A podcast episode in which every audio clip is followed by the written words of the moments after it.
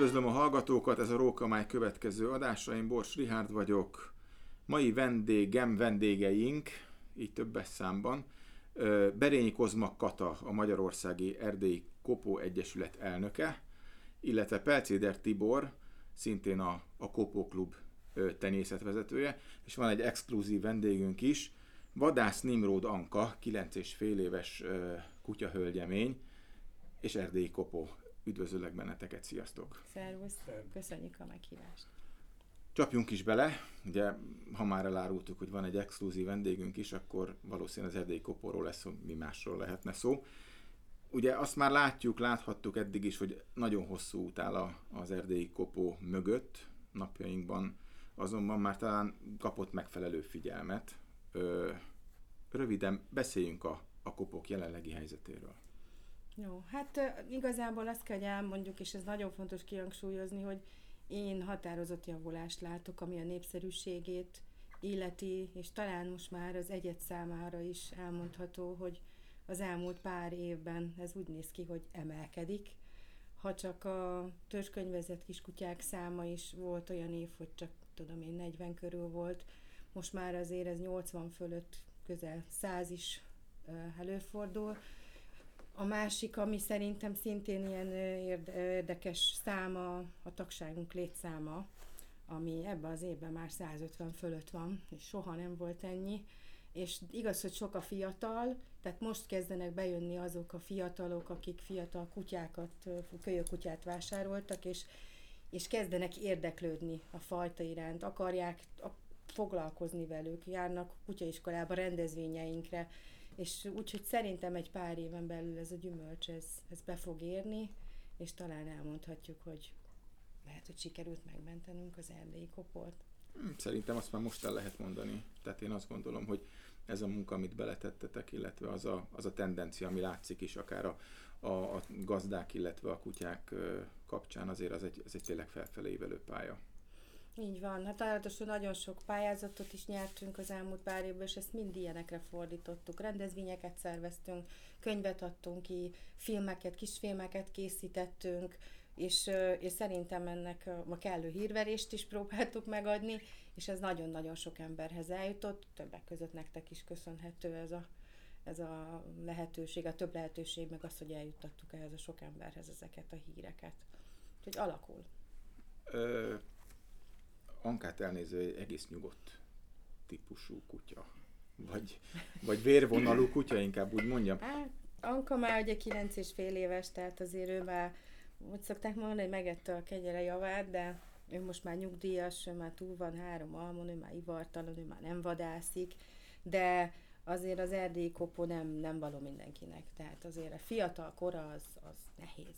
A kamaszkora az különösen kemény tehát hogy határozottságot, következetességet igényel, mint talán a legtöbb vadászkutya fajta, de azért azt nem szabad elfelejteni, hogy az erdélyi kopót ott az elmúlt száz évben ugye a vadászati készségeire ö, szelektálták, ami alapvetően az egyik legfontosabb dolog az önállóság és a jó probléma megoldó készség.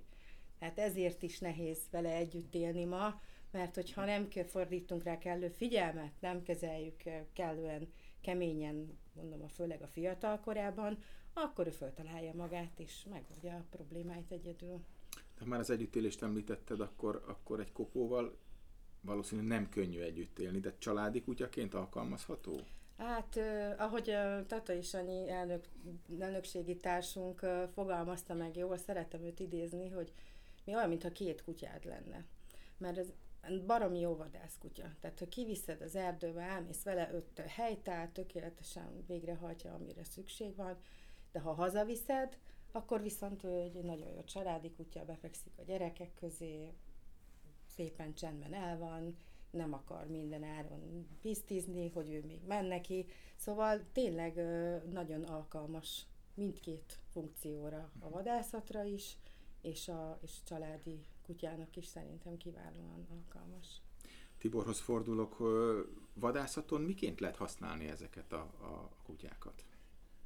Hát ugye jelenlegi vadászati törvények, ugye vadisznó hajtásra és terelő vadászaton való használatra ö, ö, engedélyezett az erdélyi koppó. A, ez a fajta, ez a fajta ö, vadászati használhatóság azonban nagy mértékben függ attól, hogy milyen vadászterületen, milyen vadra, ö, például mondjuk terelés esetén, milyen vadra ö, vannak puskások, és ö, nagy mértékben attól függ, hogy maga a terület mennyire, mennyire alkalmas.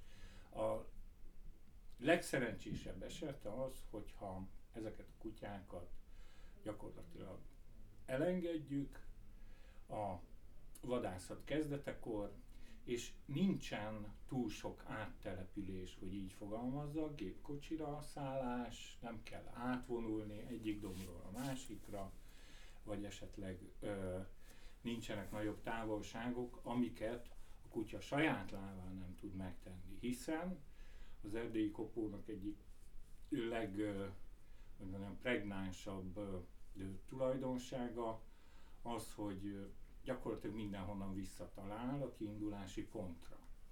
Tehát, hogyha ezt ki, úgy szervezik a vadászatot, hogy ezt minél jobban ki lehessen használni, az nagyban segíti azt, hogy, hogy az erdélyi kopókkal rendkívül eredményes és nagyon látványos vadászatokat lehessen csinálni, hiszen ö, aki hallott már néhány erdélyi kopót gyakorlatilag hajtani az erdőben, és hallotta azt a hangot, azt a nyifogó hangot, amikor a vad gyorsan megy előtte, illetve azt a fázist, amikor közelebb kerül a vadhoz és lemélyíti a hangját, ugye ami a vadásznak egyértelmű jelet ad, hogy a kutya közel van a vadhoz, tehát csak a kutyának a hang, hangjelzéseit kell figyelnie, hogy mikor kell a puskáját majd használnia.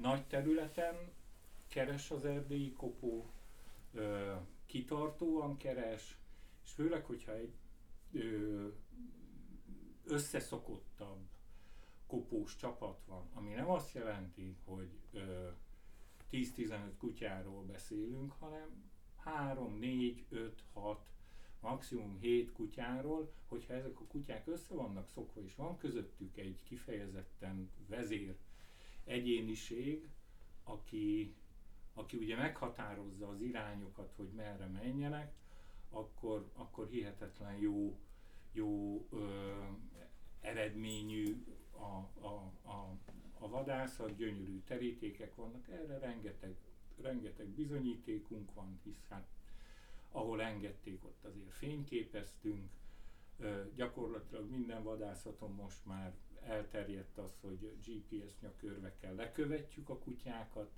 és nem elsősorban azért, hogy ha elveszett, vagy valahol messzire elment, akkor megtaláljuk, hanem leginkább azért, hogy utána értékelni tudjuk azt a fajta munkát, amit ők a terepen végeztek.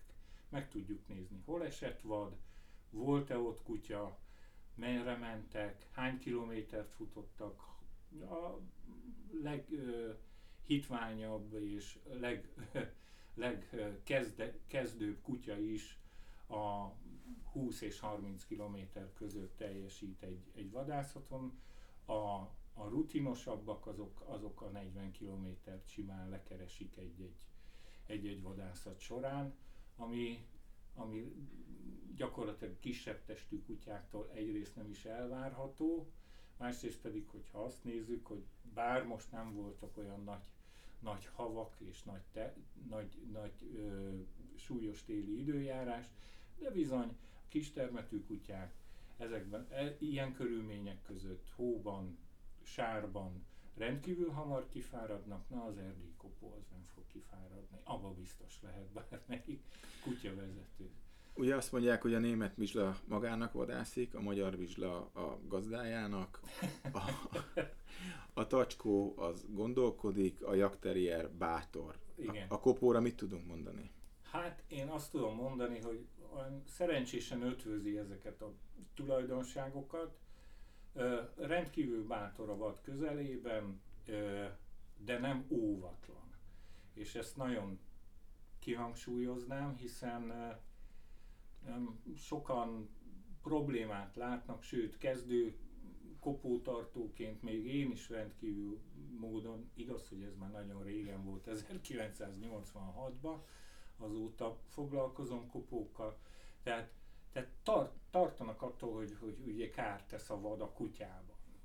Na most azt azért mondom, hogy mindenkinek ezt, aki vadászik, látnia kéne, hogy azt a 3-4-5 méteres távolságot azt valami precízen tudja tartani a vattól, annál közelebb nem megy. Nyilván vannak ravaszabb, mondjuk öregebb disznók, akik próbálnak cselezni és becsalni a kutyákat olyan helyre, olyan sűrűbe, ahol már ő nekik a termetüknél fogva nincs, nincs előnyük a vaddisznónak, meg teljesen mindegy, hogy milyen sűrűben tartózkodik. És nagyon érdekes, hogy ezeket a, ezeket a sűrű részeket, ezeket képesek körbefutni, jelezve, hogy ott van benne vad, de én nem fogok bemenni, és megpróbálják kicsalni azt a, a, a, a, a mondjuk egy vaddisznót abból a, abból a sűrű bokros részből, és, és, és, és a puska elé vinni. És gyakorlatilag ezért nagyon fontos a vezérkutya, mert az pontosan fogja mutatni, hogy, hogy meddig lehet elmenni, illetve amikor már tömegesen vannak, mondjuk van 3-4-5 kutya, akkor tudják megugrasztani.